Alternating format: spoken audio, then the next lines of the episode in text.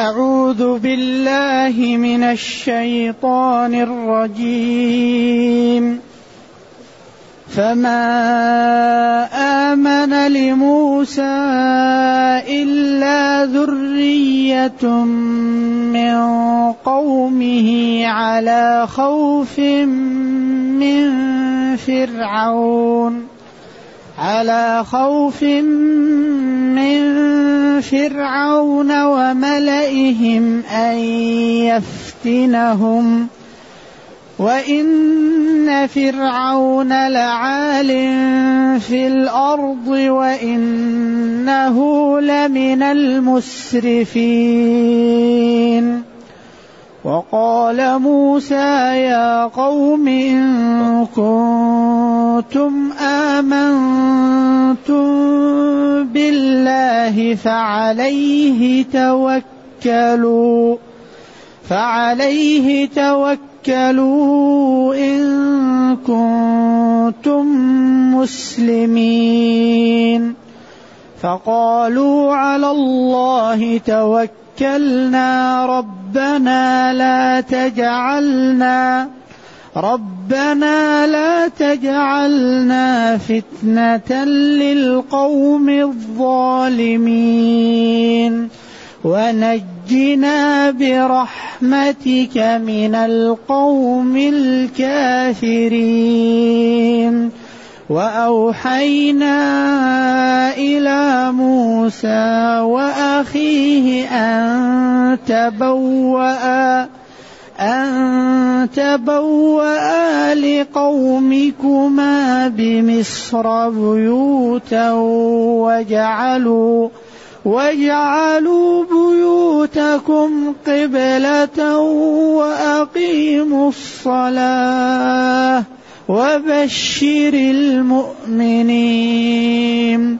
وقال موسى ربنا إنك آتيت فرعون وملأه زينة وأموالا زينة وأموالا في الحياة الدنيا. رب ربنا ليضلوا عن سبيلك. ربنا اطمس على أموالهم واشدد على قلوبهم فلا يؤمنوا فلا يؤمنوا حتى يروا العذاب الأليم. الحمد لله. الحمد لله الذي أنزل إلينا أشمل كتاب وأرسل إلينا أفضل الرسل وجعلنا خير أمة أخرجت للناس فله الحمد وله الشكر على هذه النعم العظيمة والآلاء الجسيمة والصلاة والسلام على خير خلق الله وعلى آله وأصحابه ومن اهتدى بهداه. ما بعد فإن الله تعالى يبين في هذه الآيات ما حصل بين موسى وبين أخيه هارون وبين فرعون ويبين في ذلك يعني كيف الله تعالى ينجي أولياءه وينصرهم وكيف يوقع بالكفار ويهلكهم وفي ذلك اعتبار لمن يعتبر وتسلية للنبي صلى الله عليه وسلم وتثبيت له على ما هو عليه. نعم. وهذه القصص من أهم ما فيها بيان صدق النبي صلى الله عليه وسلم. وبيان صدق القرآن وجماله وإعجازه. وفيه تثبيت له وفيه تخويف للمكذبين. لأنهم إن لم يرجعوا عما هم عليه يحل بهم ما حل بمن سبق من قبلهم. لذلك هذه القصص فوائدها كثيرة. يقول جل وعلا هنا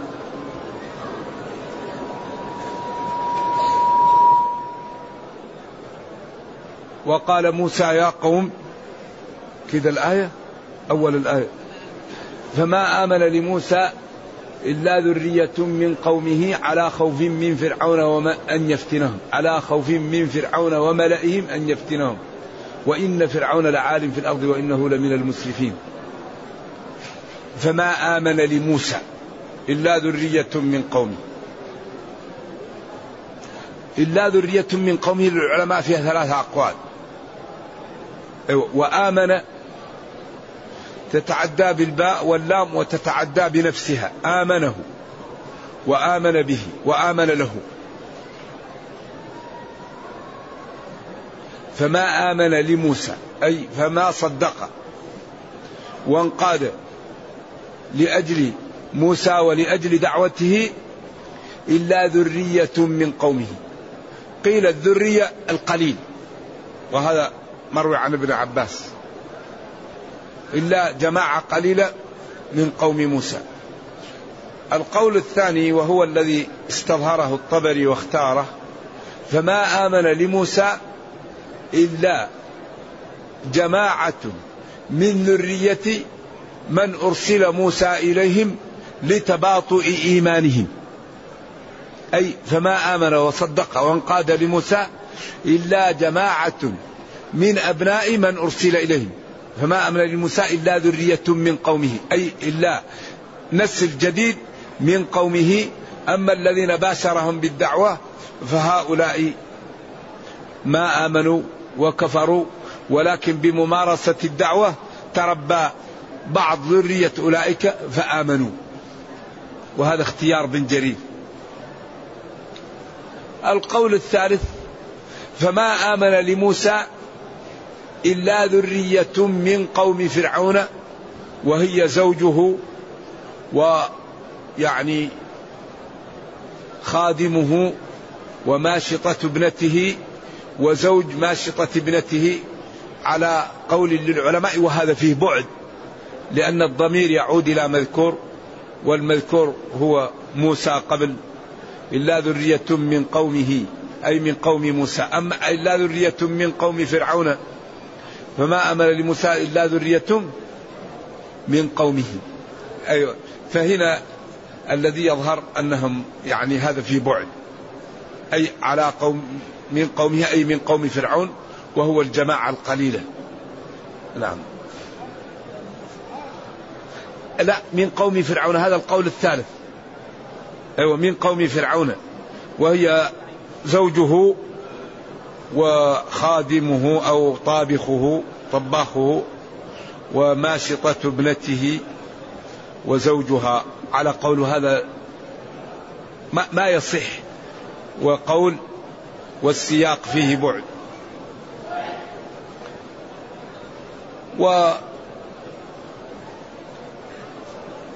الذي يظهر أن فما آمن لموسى إلا جماعة. الذرية نفسها القوم أن الذرية تقال للقوم. وقيل أن الذرية لا وهم الذين يتراسلون بين القبط وبين؟ وبين بني إسرائيل. فيكون من بني إسرائيل فما آمن لموسى إلا ذرية من قومه أي من قوم موسى الذين هم تولدوا بين بين بين فلذلك بعضهم رجعهم إلى فرعون لوجود أمهاتهم وبعضهم رجعهم إلى بني إسرائيل لوجود آبائهم أو العكس.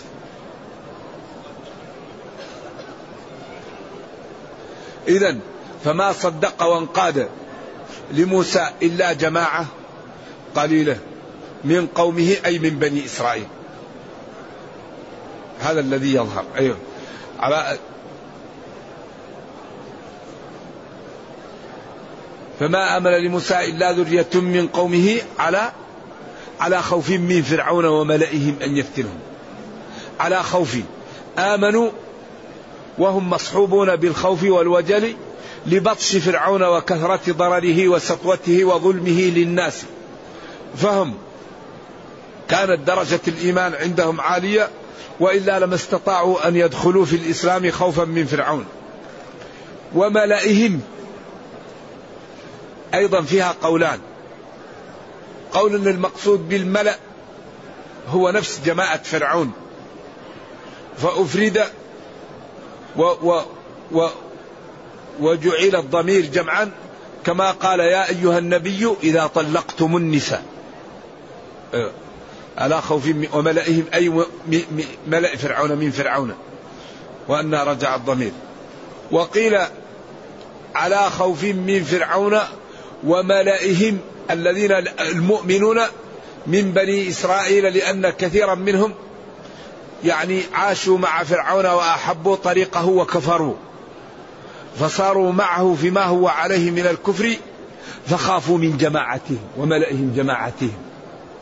على خوف من فرعون ومن جماعتهم الذين هم على مذهب فرعون. إذا فما صدق وانقاد لموسى إلا جماعة قليلة من قومه فعلوا ذلك على خوف من فرعون ومن كان مع فرعون. وملئهم سواء قلنا إنه من بني إسرائيل أو من فرعون وجماعته. على خوف من فرعون ومن هو مع فرعون. أن يفتنهم. أن وما دخلت عليه في تأويل مصدر. إيش إعرابه؟ أيوه أن حرف نصب ويفتنهم منصوبه بيفتنهم لكن الجملة في محل. مفعول به؟ ليش ما ما نقول مفعول لأجله؟ ليش ما نقول مفعول لأجله؟ أيوه. أيوه خافوا. أيوه. فما آمن لموسى على ذرية من قومه على خوف من فرعون خافوا كراهة الفتنة أو لئلا يفتنوا. ينصب مفعولا له المصدر إن أبان تعليلا. أيوة وقد يجود على خوف من فرعون وملئهم أن يفتنهم. وعد أيوة خاف الفتنة. قد أيوة خافوا من الفتنة. خاف زيد. خافه. نعم قد يجوز نعم. لكن المضطرد أن أن وما دخلت عليه في تأويل مصدر ينجر بأن. وعد لازما بحرف جر. وإن حذف فالنصب للمنجر نقلا وفي أن وأن يضطردوا فما أمن لموسى إلا ذرية من قومه على خوف من فرعون. أيوة أيوة كراهة أو لئلا يفتنهم أو خافوا فتنتهم أو من أن يفتنوهم. مفعول له أو منصوب بنفس الخافض أو مفعول لأجله كله لا يبعد. وإن توكيد فرعون هذا الجبطاش الجبار. وإن فرعون لعالم في الأرض مستكبر متكبر متجبر. وإنه لمن المسرفين المتجاوزين للحدود في الظلم والكفر والطغيان. لذلك يعني بطش بمن حوله. وقتل الذكور واستبقى النساء وفعل الأفاعيل. فلذلك يقال في الإسرائيليات أن جاءه ملك في في في في صورة رجل مستفتن وقال له عبد أكرمه سيده وأعطاه وأعطاه الملك وأعطاه الجاه وأعطاه القوة وأعطاه الجبروت وكفر به وقتل رسله وفعل به. قال هذا جزاؤه أن يغرقه. قال اكتب لي هذا. فكتبه له في ورقة. فلما غرق فرعون جاءه الملك وأعطاه الورقة. فلما قرأها قال آمنت. أعطاه الورقة التي كتبها. أن الذي فعل هذا ينبغي أن يغرق. أيوه هو قبل الغرق أعطاه الورقة فلما قرأها قال آمنت. فيقال أن الملك أخذ تراب من وسط البحر أو طين وضرب به حلقه حتى لا يكمل الشهادة حتى لا تدركه رحمة الله وينجو. فأراد أن لا يكملها فوضع في حلقه ما, ما به لا يستطيع أن ينطق. نعم.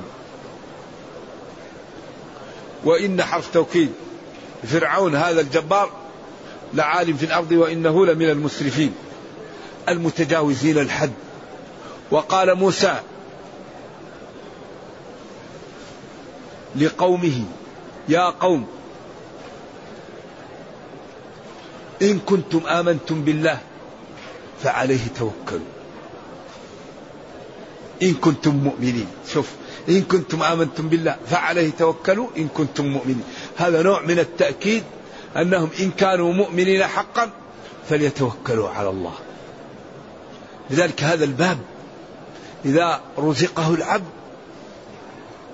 حمي نصل أعطي ما يريد دفع عنه ما يكره. إذا توكل العبد على الله. لكن التوكل لا يأتي إلا بدرجة عالية من الإيمان ومن تثبيت النفس ومن العلم ومن التصبير يصبر الإنسان نفسه. واصبر نفسك. يبذل. بعدين والذي يتوكل على الله الله يكفيه. ومن يتوكل على الله فهو أي الله حسبه كافي. قال في سورة الفرقان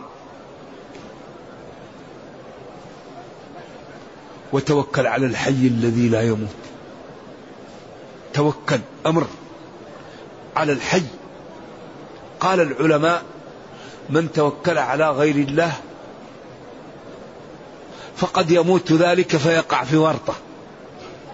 توكل على غني أو على عم أو على أب أو على سلطان أو على بعدين فجأة مات. طيب من يحفظك بعد هذا؟ قال وتوكل على الحي الذي لا يموت. أما غير الله يموت فإذا توكلت عليه فأوقعت نفسك في ورطة. فعليه توكل. والتوكل هو أن تقوم بالأسباب وتعلم أنها لا تضر ولا تنفع. وإنما الذي يضر وينفع هو الله. تصلي وتعلم أن الصلاة لا تنفع إلا ما إلا من كتب الله له الهداية. وتغض بصرك وتعلم أن غض البصر لا ينفع إلا من كتب الله له الهداية. ولذلك عمر لفقهه وفهمه قال والله إني لا أعلم أنك حجر لا تضر ولا تنفع. ولولا أني رأيت رسول الله صلى الله عليه وسلم يقبلك ما قبلتك. لذلك الناس الآن التي لا تفهم أسرار الدين ولا تفهم العلم يقول المسلمون ينهوا عن عن عن عبادة القبور وينهوا عن الخرافة.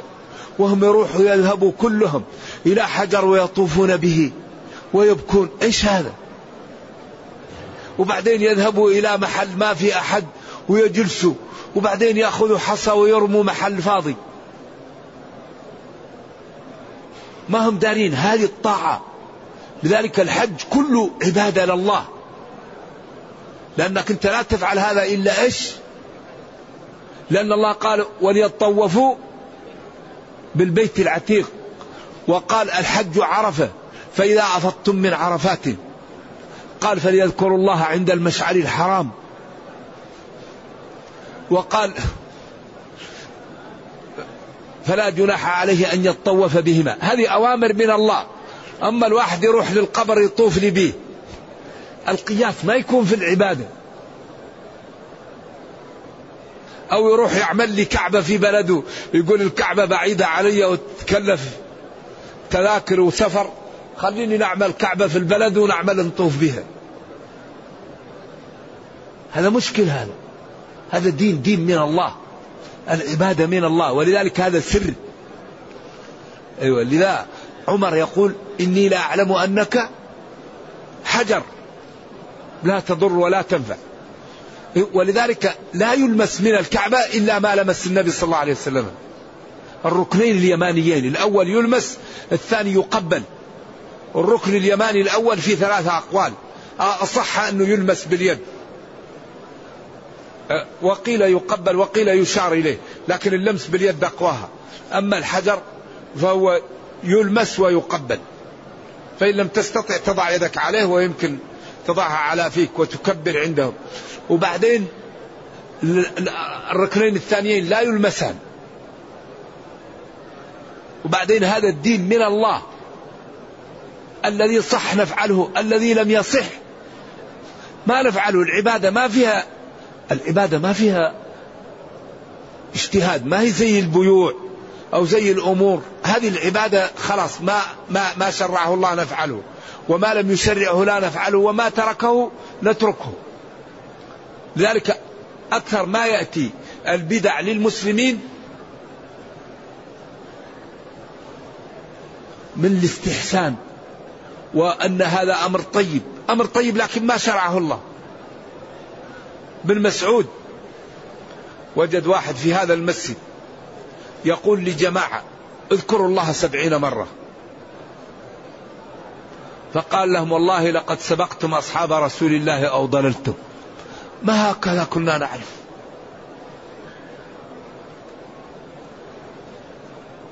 بعدين الذكر على الطريقة المشروعة الصلاة على الطريقة المشروعة الأدعية على الطريقة المشروعة. أما يجي شيخ ويقول أنا إذا لم نأتيهم بطريقة جديدة ما نكون شيخ. إذا افعلوا كذا وافعلوا كذا. الشيخ لا ولا, ولا ما ما ينبغي شخص يقول إلا ما قال الله قال رسوله. الأذكار موجودة أذكار الصباح أذكار المساء. في كتاب كتب اسمها عمل اليوم والليلة. من يوم ما تستيقظ من الفجر ما لا تفعل حتى تنام من الغد. إذا خرجت من البيت. إذا أردت تنام إذا أردت تأكل إذا رأيت مبتلى إذا رأيت منعم عليه إذا أرادت الشمس تغرب إذا أرادت الشمس تطلع كله أذكار فيها الثابت الصحيح وفيها الضعيف وفيها الحسن وفيها الموضوع وكلها موجودة ومبينة ومدروسة. فلذلك ينبغي أن نتعود الاتباع يقول لك فلان يقول لك أنت أعلم من فلان. قضية ما هي قضية أعلم من ما أعلم. قضية قضية نصوص يا أخي دين. أنت الآن الفجر ركعتين. وتقول أنا نشيط ونمت مبكر وعندي صحة. إذا نصلي الفجر أربع ركعات. ركعتين فرضها علي الله وركعتين نعملها تطوع لله. شكرا له على نشاطي. طيب ما رأيكم؟ طيب الجميع تقول لا يجوز يفسد الصلاة. طيب ما الفرق بين الصلاة وغيرها؟ كما أن الصلاة نحن الآن لأننا تعودنا على الصلاة وعلى أدائها وأن فرض من الله كذلك كل شيء. ينبغي أن نعمل ما فرض لنا وما شرع لنا. كما أننا لا نزيد في الصلاة ولو كنا على نشاط. كذلك لا نقول أدعية لم ترد ولا نعمل صلاة لم ترد ولا نعمل شيء لم يرد. والناس مجبولة على على المخالفة. لأن الشيطان يجملها للناس. يأتي الشيطان للإنسان نايم ويقول له أنا الرسول صلى الله عليه وسلم. أنا الله. صلي بعد العصر 12 ركعة قبل أن تغرب الشمس بربع ساعة. طيب واحد متعلم يعرف أن هذا ما يقوله له. لأن لا صلاة بعد العصر حتى تغرب الشمس. المتعلم يعرف أن هذا الشيطان. والغير متعلم يقول لك يا أخي أنا جاني الرسول وقال لي ويبدأ يصلي بعد العصر قبل غروب الشمس وقت ما تشتد الكراهة ويبدأ يشرع من نفسه وبعدين تأتيه الشياطين وتساعده وإذا طلب مال تجيبون الشياطين وإذا وحلت عليه سيارة في الخلاء تطلعها الشياطين وإذا طلب أي شيء تأتيه الشياطين به ويصبح يظن من أولياء الله وهو من أولياء الشياطين أيوة لأن قال وإخوانهم يمدونهم في الغي ثم لا يقصرون شياطين الإنس والجن يوحي بعضهم إلى بعض. لكن الذي يمايز والذي يحميه هو العلم. العلم هو اللي يحمي ما يحميك إلا العلم. الشيطان جاء لقريش وقال لهم سلوا محمدا. عن الشاة تصبح ميتة. من الذي قتلها؟ قال لهم الله قتلها. قال ما ذبحه الله تقولون حرام وما ذبحتموه تقولون حلال أنتم أحسن من الله؟ هذه مشكلة. فأنزل الله ولا تأكلوا مما لم يذكر اسم الله عليه. وإن زعموا أنها ذبيحة الله. وإن الشياطين ليوحون إلى أوليائهم ليجادلوكم بقولهم ما ذبحتموه حلال وما ذبحه الله حرام. وإن أطعتموهم في فلسفتهم الشيطانية إنكم لمشركون. إذا الذي يحمي ما هو؟ ما الذي يحمي؟ العلم العلم العلم العلم. العلم. العلم إذا جاك الشيطان وقال لك أنت العلامة قل له أسكت الله يلعنك أنا أبصر بنفسي. إذا جاك وقال لك ما شاء الله أنت كل الحي يذكرك بالخير تعرف أن هذا الشيطان يريد يدخل لك الرياء.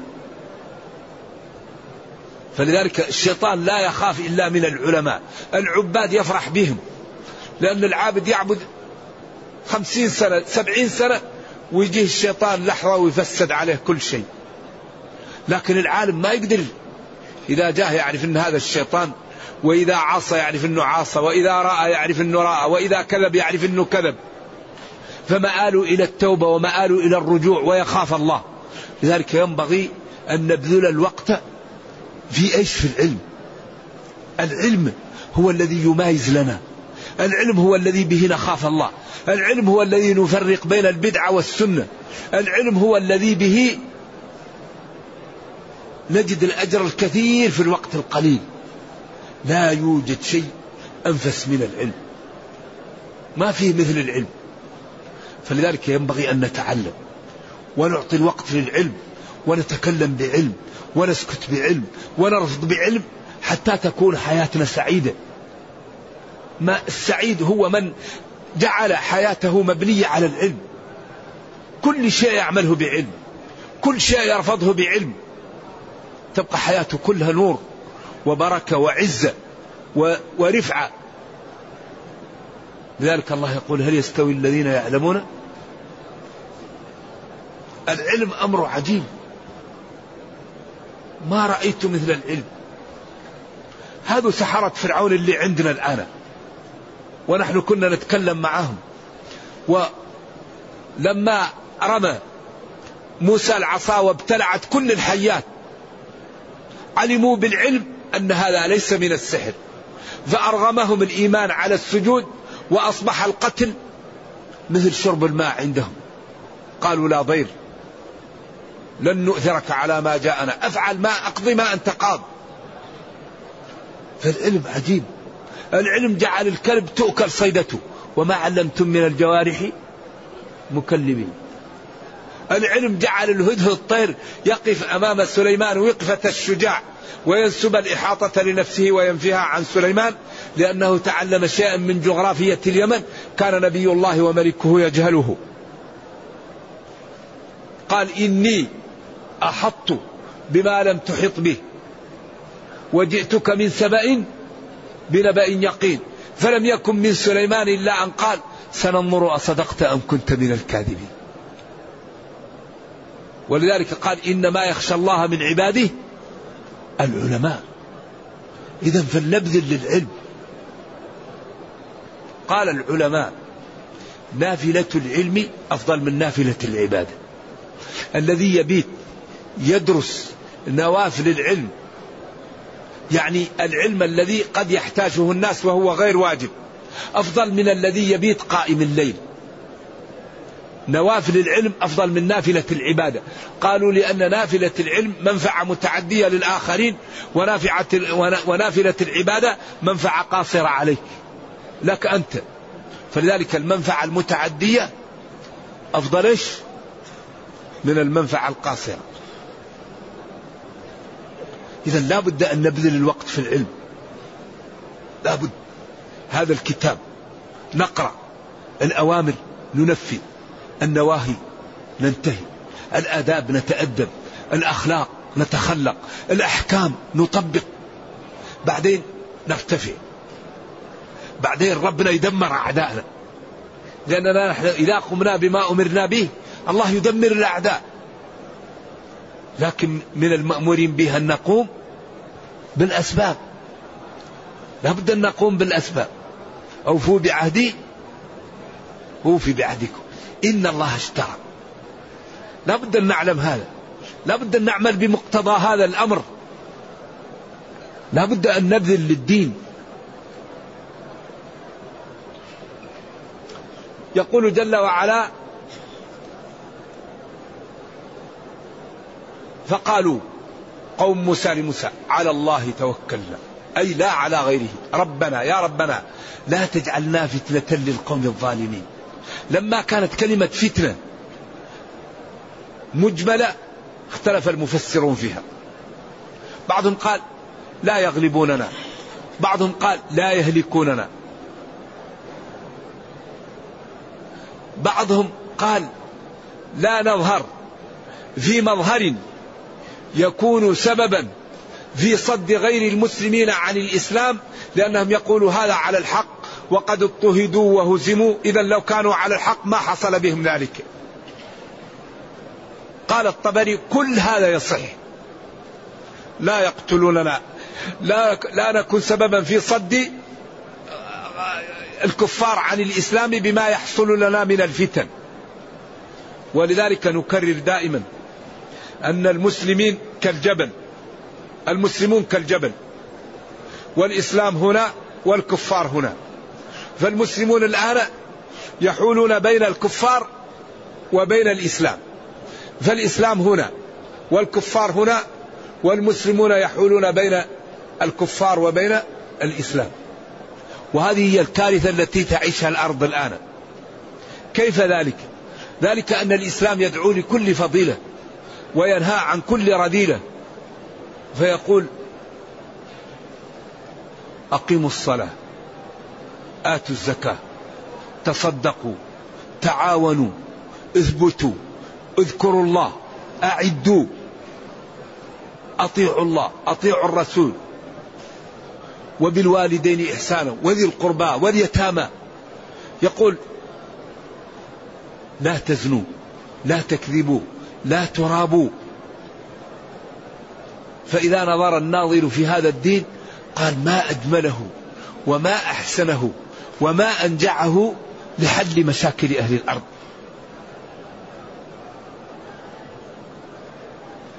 فإذا نظر إلى المسلمين وجد الرشوة وجد الربا وجد الكذب وجد الظلم إذا يقول لو كان الدين حق لاتبعه أهله. قال تعالى ربنا لا تجعلنا فتنة. أي لا تجعل عملك فينا سببا في صد غير المسلمين عن الدخول في الإسلام. إذا من أكبر ما يعوق العالم الآن عن الدخول في الإسلام بعد إرادة الله تعالى هو أخلاق المسلمين. لا بد أن نتمثل الدين لا بد أن نعمل بما نؤمن لأن هذا يسبب انفصام ويسبب ضعف في الشخصية ويسبب ضعف الإنتاج. الإنسان إذا كان يؤمن بأشياء ويفعل ضدها تطلع أحاسيسه ممزقة وعواطفه منتهكة ويطلع إنتاجه ضعيف ويطلع حياته كلها كرب. ينبغي للعاقل أن يعمل ما يؤمن به حتى يقوى وينتج. ويصبح ذكيا ويصبح منتجا. أما يؤمن بشيء وعمل في شيء هذا انفصام.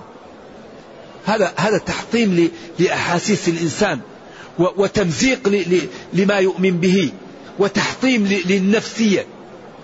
لذلك من أقوى ما يجعل الإنسان ينتج أن أن يفعل ما يؤمن به. الذي تؤمن به افعله يا أخي حتى تكون منتجا تكون قويا. لذلك تجد الآن الكفار يعلمون ظاهرا من الحياة الدنيا. يمنع الضرب ويمنع الأذية ويمنع القهر. حتى تربى الناس على نفوس تكون منتجة وقوية. والمسلم مسكين يلطش في البيت وفي الشارع وفي المدرسة وفي الطريق حتى يطلع مرعوب.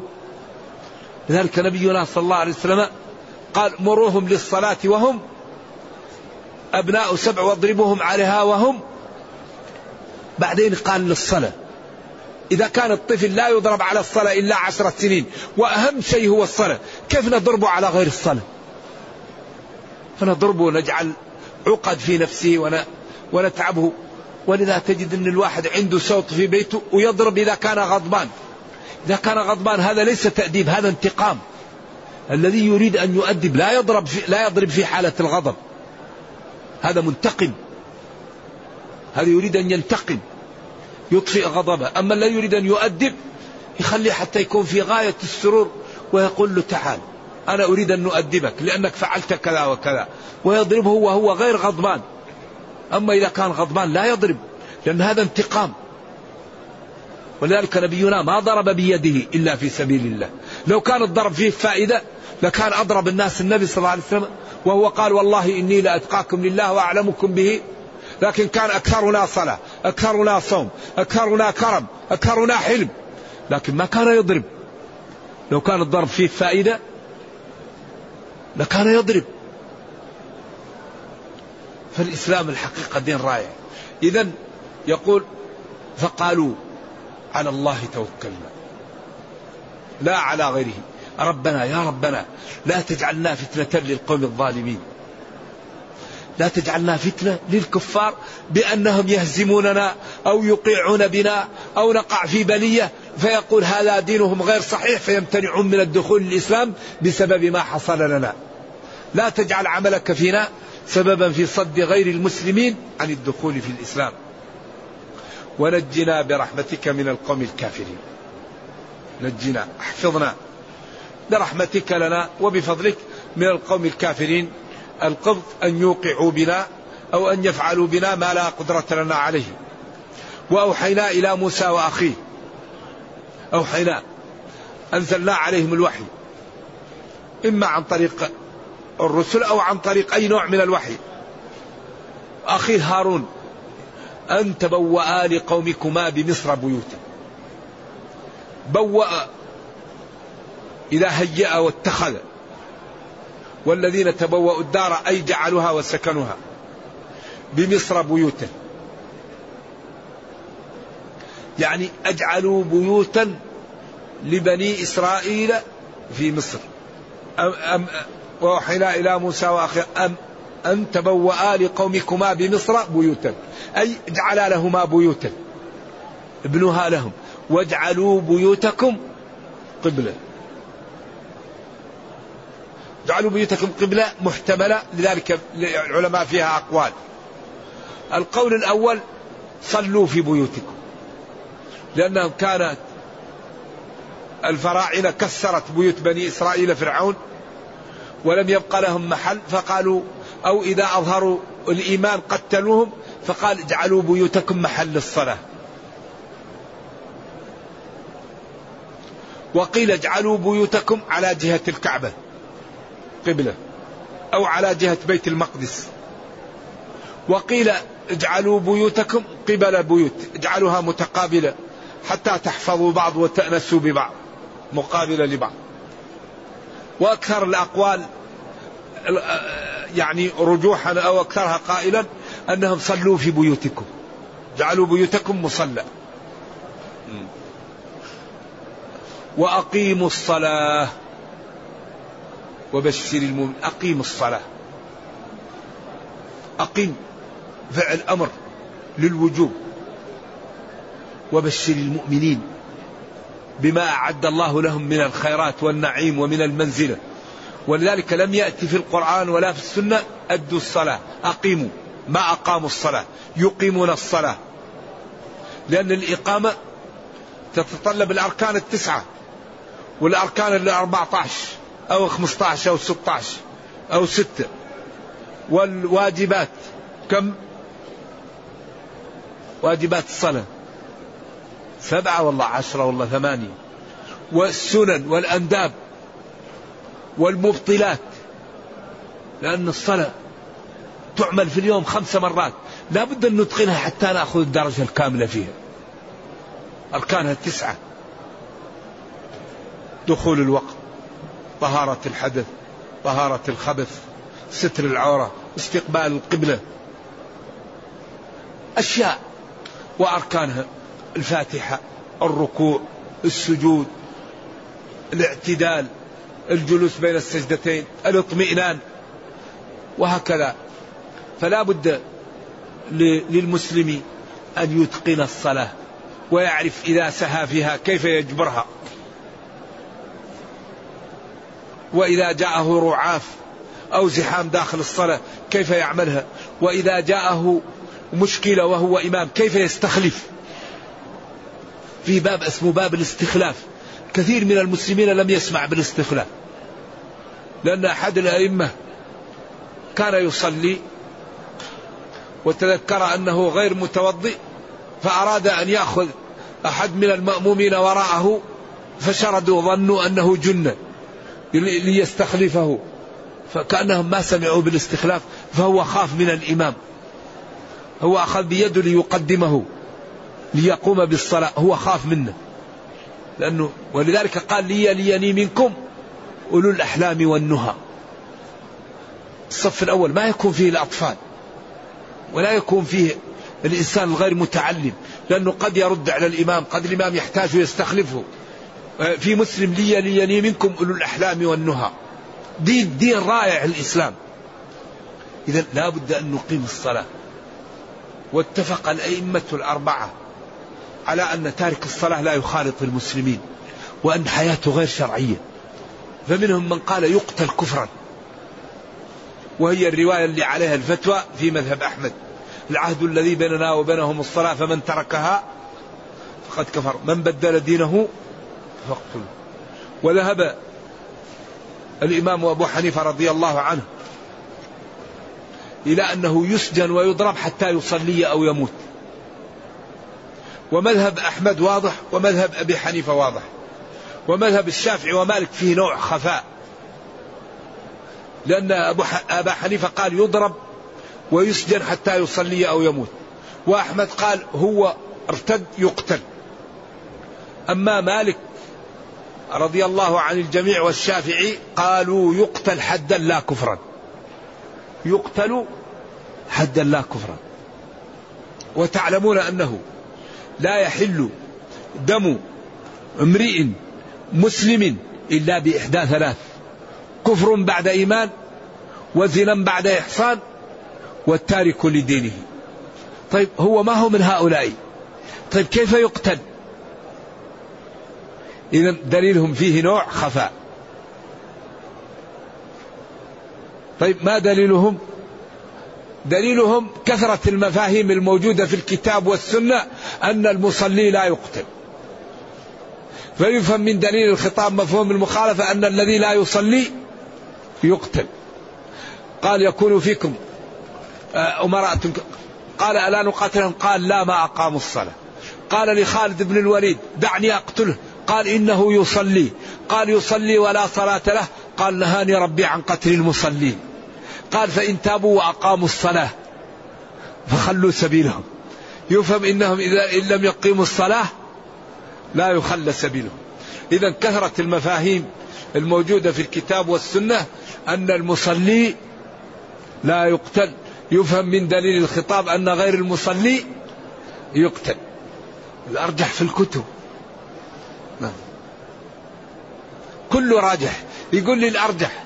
كل قول من الأقوال راجح وعليه أدلة. ولطالب العلم أن يختار ما يحلو له ويرفق بالمخالف. والجنة أبوابها كم؟ ثمانية. تدخل من باب غيرك يدخل من باب الثالث الرابع يدخل من باب.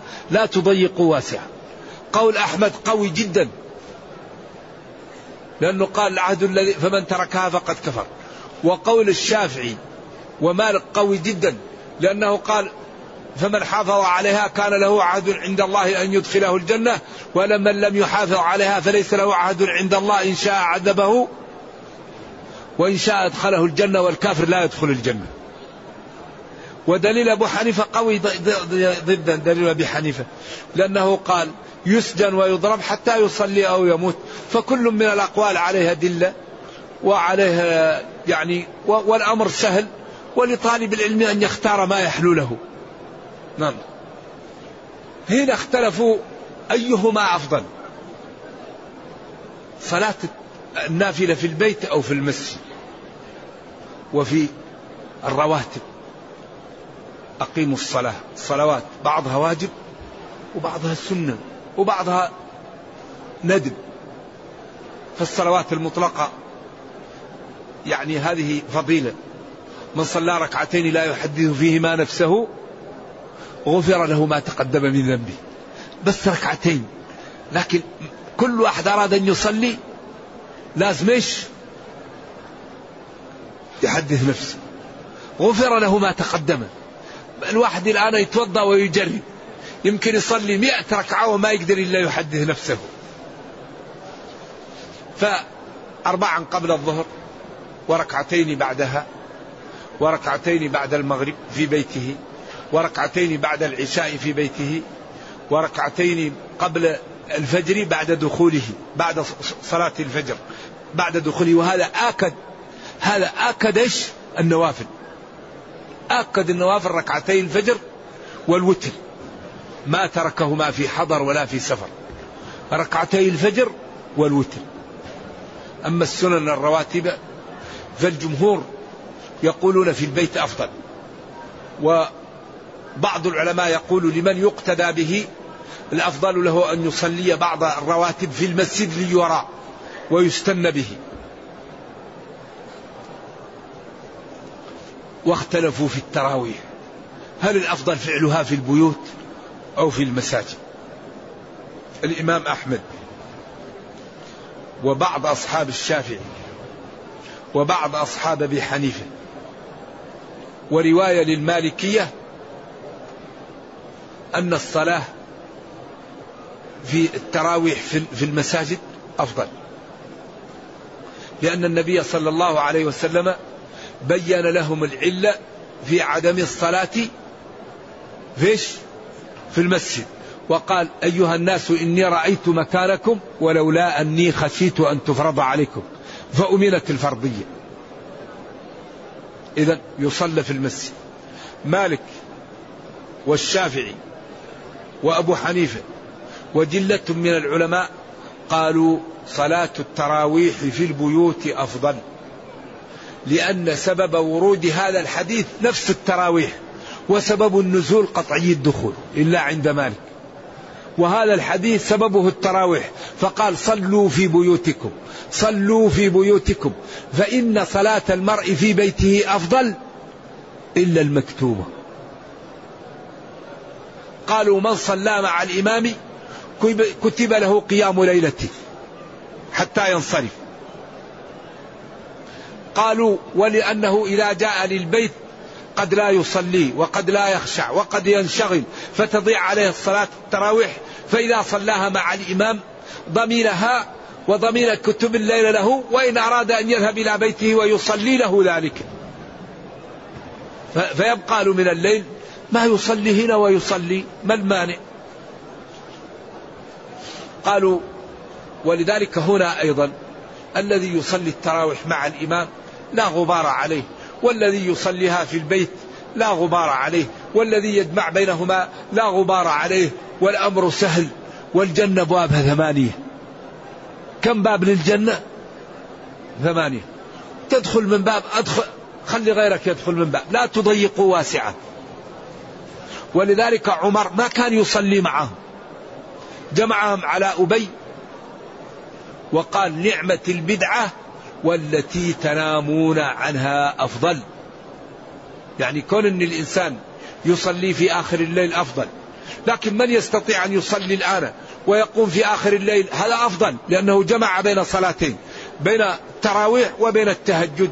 وكل خير وكل صلاة تكتب لصاحبها والأمر فيه سعة. ولا ي... لأن هذا مباح وهذا مباح وهذا فضيل وهذا فضيل.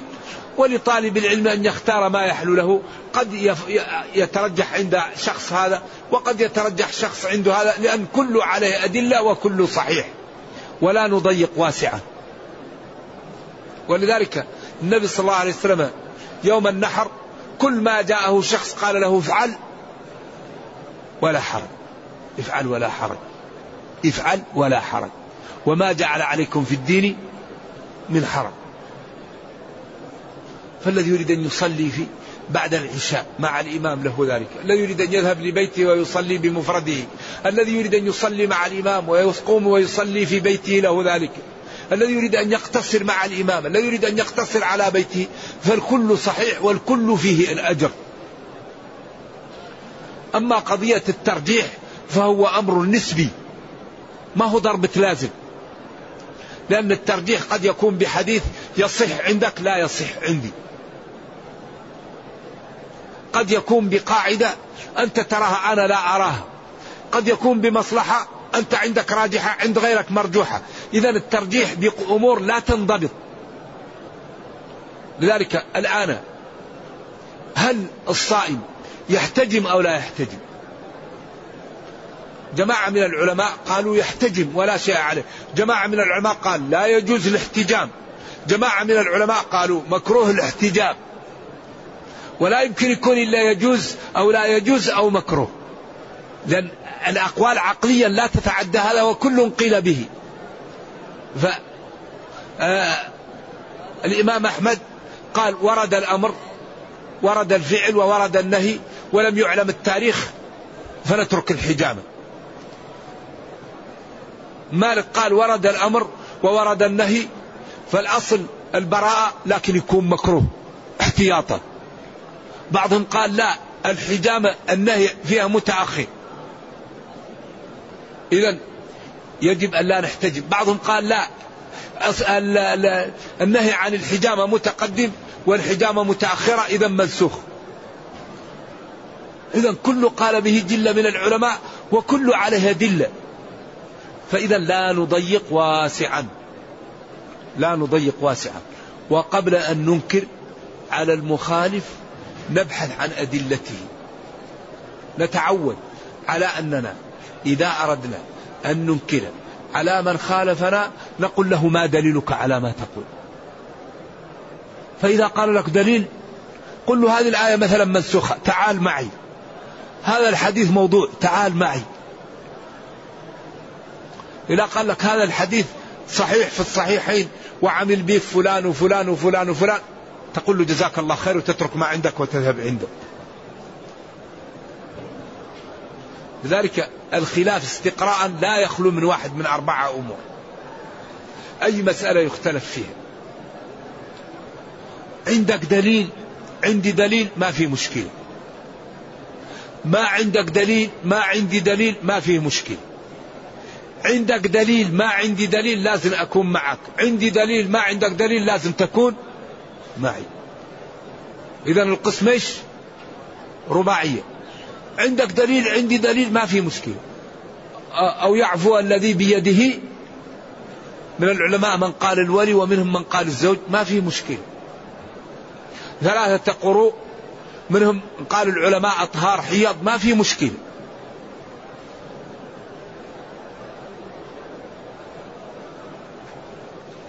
مثلا قضية ما فيها نص استجدت أنت ما عندك دليل وأنا ما عندي دليل ما في مشكلة. مسألة عندك دليل وأنا ما عندي دليل أكون معك. عندي دليل ما عندك دليل تكون معي. إذا القضية سهلة.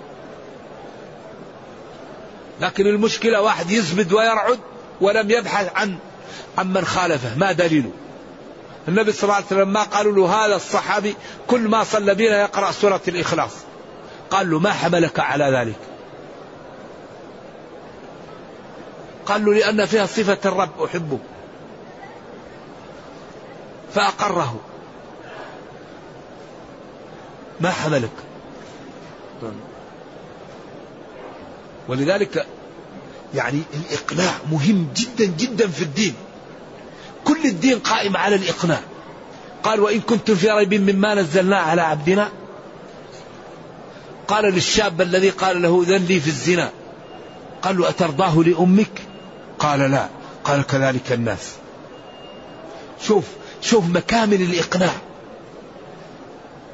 لا يؤمن أحدكم حتى يحب لأخيه؟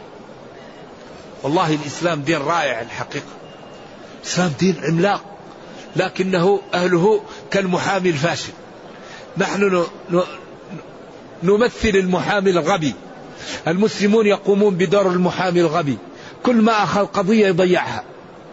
لأن المحامي الغبي كل ما أخذ قضية واضحة مية في المية يضيعها لأنه غبي. المسلمون يجفلوا الناس عن الإسلام وهو دين تبيان لكل شيء. ما فرطنا في الكتاب من شيء. فأجره حتى يسمع ولكن المسلمين يا لطيف. شوف الله يقول ولا تنازعوا. المسلمون أي بلد فيه المسلمون؟ تجد مشكلة. إذا كانوا بلد فيه بينهم مشكلة الحدود. وإذا كانوا أقليات مشكلة من يكون رئيس الجمعية ومن يكون أمين الصندوق. أيوة هذه المشكلة. في الأقليات من يكون أمين الصندوق ومن يكون رئيس الجمعية. وفي محلات المسلمين مشكلة الحدود. أيوة ولذلك أخطر شيء على المسلمين إيش؟ الفرقة. ولا تنازعوا. ما هي أكبر ما هي أقوى دولة الآن؟ ما هي أقوى دولة؟ لماذا؟ 51 دولة أصبحت دولة واحدة. أصبحت أقوى الناس. ولو لا رهطك لرجمناه ذلك ديننا دين عملاق الإسلام. إذا لابد أن نهتم بالمؤسسات ونهتم بالعقول ونهتم بالاستشارة ونهتم بتطبيق النظام. لابد نهتم بالعقول. نربيها نشتريها نهيئ لها الجو التي تنتج لنا فيه. لأن هذا يختصر للأمة وهذا عمل واجب على الأمة أن تستغل العقوق لتكون في المكان الرائد بها. لا بد أن نعلم موارد العز ونسلكها ونعلم موارد العطب ونتجنبها حتى نكون في المكان اللائق بنا. أما يكون كل واحد لا يهمه والثاني لا يهمه والثالث لا يهمه وفي الجميع نتقوم. إن الجبال من الحصى.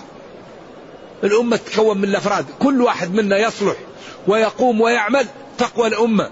وإذا كان كل واحد ينام ويقول الله يهديهم. طيب الله يهديك أنت. أين أنت؟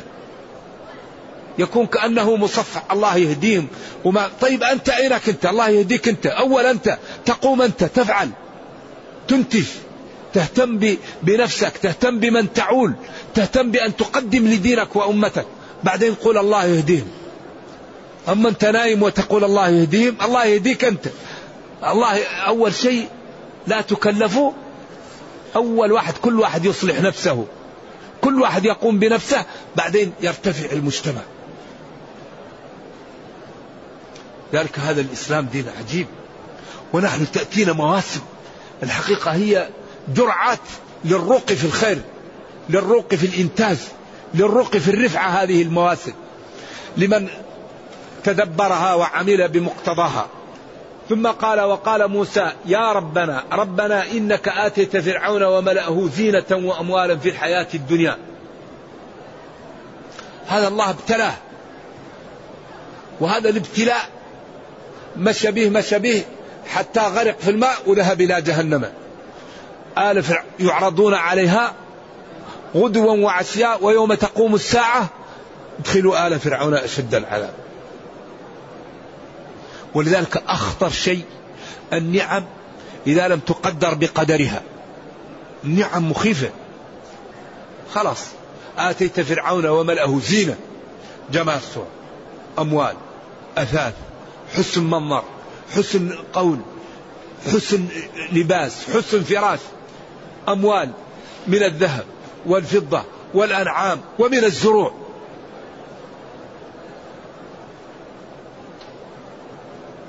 ربنا ليضلوا. عند المفسرين هذه اللام مشكلة. هل هي لام العاقبة أو لام كي أو, أو لام التوقيت؟ يعني وأظهر شيء أنها لام كي أعطاهم ذلك الله لكي يضلهم به. كما قال فالتقطه آل فرعون ليكون لهم عدوا وحزنا المعربون يقولون لام العاقبة لكن المحققون يقول لام كي فأشاء الله ذلك ليجعله لهم كذلك. وهذا أقوى الأقوال وهو الذي يتمشى مع النصوص وإن كان المعربون يقولون لام العاقبة ربنا ليضلوا عن سبيلك. ربنا اطمس على أموالهم. أطمس أيضا فيها خلاف. وقيل أقلب ما عندهم من الأموال حجارة. الذهب والفضة يكون منقوش لكن ينقلب حجر لا فائدة فيه. والمواشي تنقلب أحجار وتنقلب أشجار ما فيها فائدة أو حصى. تراب واشدد على قلوبهم اطمسها عن أن ترى الخير حتى يروا العذاب الأليم. لأن موسى قلبه مليء بالإيمان قلبه مليء بالألم على هؤلاء الذين يكفرون ويقتلون المسلمين. نرجو الله جل وعلا أن يذهب غيظ قلوب مؤمنين على على اليهود وعلى من شايعهم لما قاموا به للمسلمين من الأذية. نعم. نرجو الله جل وعلا أن يرينا الحق حقا ويرزقنا اتباعه وأن يرينا الباطل باطلا ويرزقنا اجتنابه وأن لا يجعل الأمر ملتبسا علينا فنضل اللهم ربنا أتنا في الدنيا حسنة وفي الآخرة حسنة وقنا عذاب النار اللهم اغفر لنا ذنوبنا كلها دقها وجلها أولها وآخرها علانيتها وسرها. يا حي يا قيوم يا حي يا قيوم برحمتك نستغيث. أصلح لنا شأننا كله ولا تكلنا إلى أنفسنا طرفة عين. اللهم نفس كرب المكروبين من المسلمين واشف مرضانا ومرضى المسلمين واقض عنا وعن المسلمين الدين. اللهم إنا نسألك أن توحد صفوف المسلمين وأن تقوي شوكتهم وأن ترد عنهم كيد أعدائهم. اللهم إنا نسألك أن تحفظ هذا البلد للمسلمين خاصة وأن تحفظ بلاد المسلمين عامة. اللهم إنا نسألك الجنة. اللهم إنا نسألك الجنة، اللهم إنا نسألك الجنة، اللهم إنا نعوذ بك من النار، سبحان ربك رب العزة عما يصفون، وسلام على المرسلين، والحمد لله رب العالمين، والسلام عليكم ورحمة الله وبركاته. يقول امرأة أفطرت على أذان مكة المكرمة وهي بالمدينة، يعني تقضي هذا اليوم. لأن أفطرت قبل دخول الوقت بدقائق قليلة المهم أن الإنسان إذا رأى أن الليل جاء وأفطر وتبين أن الليل لم يدخل لا إثم عليه ويقضي هذا اليوم ما هو مثل من يأكل ويشرب ناسيا. الذي يأكل ويشرب ناسيا لا إثم عليه عند الجميع. وعند الجمهور لا قضاء عليه.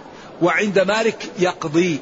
لأنه قال فمن شهد منكم الشهر فليصمه. ومن كان مريضا أو على سفر فأفطر فعدة من أيام أخر.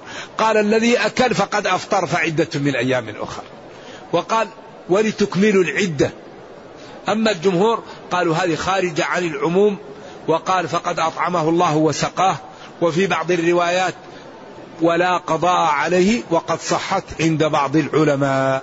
وقال مالك إذا صح الحديث فهو مذهبي. إذا هذا أيضا مذهب مالك لأنه صح الحديث. نعم.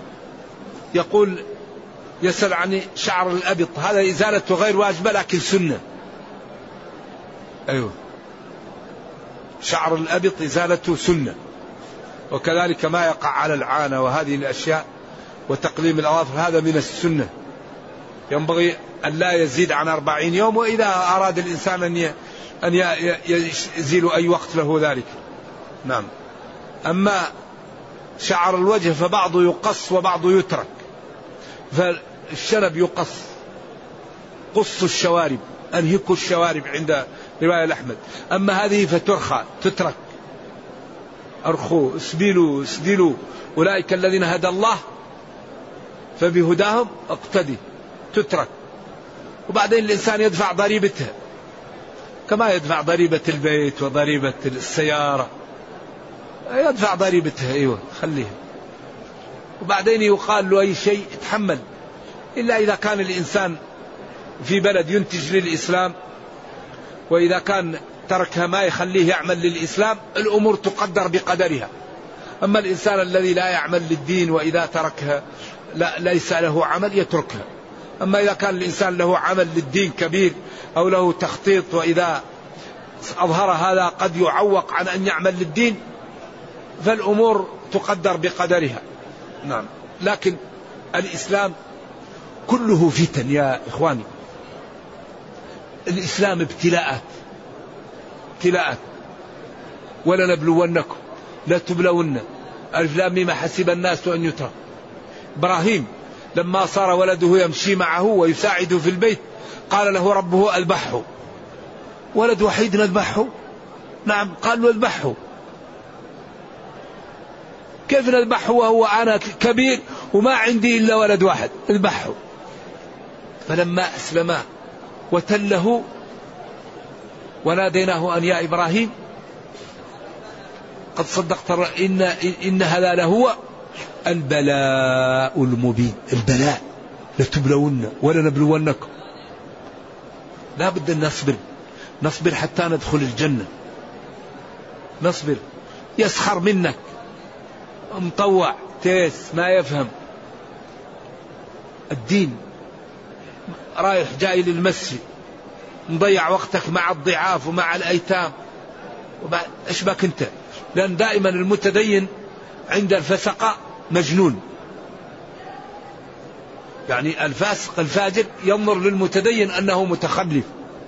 لذلك منزلة السفيه عند الفقيه كمنزلة الفقيه عند السفيه. فهذا زاهد في قرب هذا وهذا منه أزهد منه فيه. نعم. فلذلك نصبر حتى نذهب للجنة. ولكننا سبي سبان العدو. نصبر حتى نتعدى وندخل الجنة. المعاصي ما, ما هي طيبة. لا الحديث الذي يجلس في مكانه حتى تطلع الشمس ويصلي وهو في مكانه له أجر. هذا حديث صالح للاحتجاج صحيح. نعم. والحديث الضعيف إذا كان تحت أصل يمكن أن يعمل به. لأن الحديث لا يعمل به إذا اشتد ضعفه أو لم يكن تحت أصل. وقد يكون الحديث أصلا ضعيف ومعناه صحيح. كما قال وقد يكون الكاذب يصدق أحيانا. كما قال النبي صلى الله عليه وسلم لأبي هريرة صدقك وهو كذوب. الشيطان لما جاءه وجاءه قال له من قرأ آية الكرسي لا يأتيه الشيطان. قال له صدقك وهو كذوب. أي صدقك في حال اتصافه بالكذب. لكن هذه الأمور تبني على الظواهر. ولذلك لا القطع. قالوا الصحيح لا القطع أنه صحيح أو كذب وإنما هذا في ظاهر الأمر. ولذلك قال لا إنكم تختصمون إلي ولعل بعضكم أن يكون ألحن بحجته من بعض.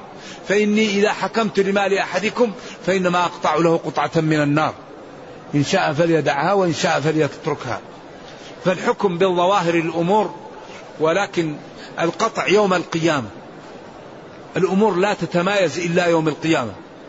يوم يجمعكم ليوم الجمع ذلك يوم التغابن. لذلك أول من تطعم بهم النار الذين لم يصدقوا. أيوة العالم المتصدق المجاهد. هؤلاء ما صدقوا يكونوا طعما للنار. أول من توقد بهم النار. إذا لا ينفع إلا الحق.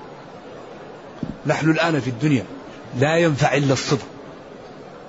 كل واحد يصدق عشان ينجو بنفسه. نرجو الله تعالى أن يرزقنا الصدق والإيمان.